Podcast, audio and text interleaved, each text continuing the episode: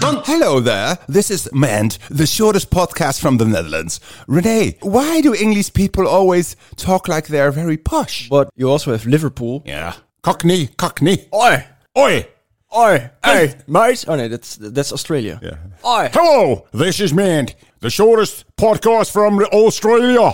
How are you? How's going? Oi, mate! I made. Oh, well, there, there, there was the podcast already. Bye, man. Hunt.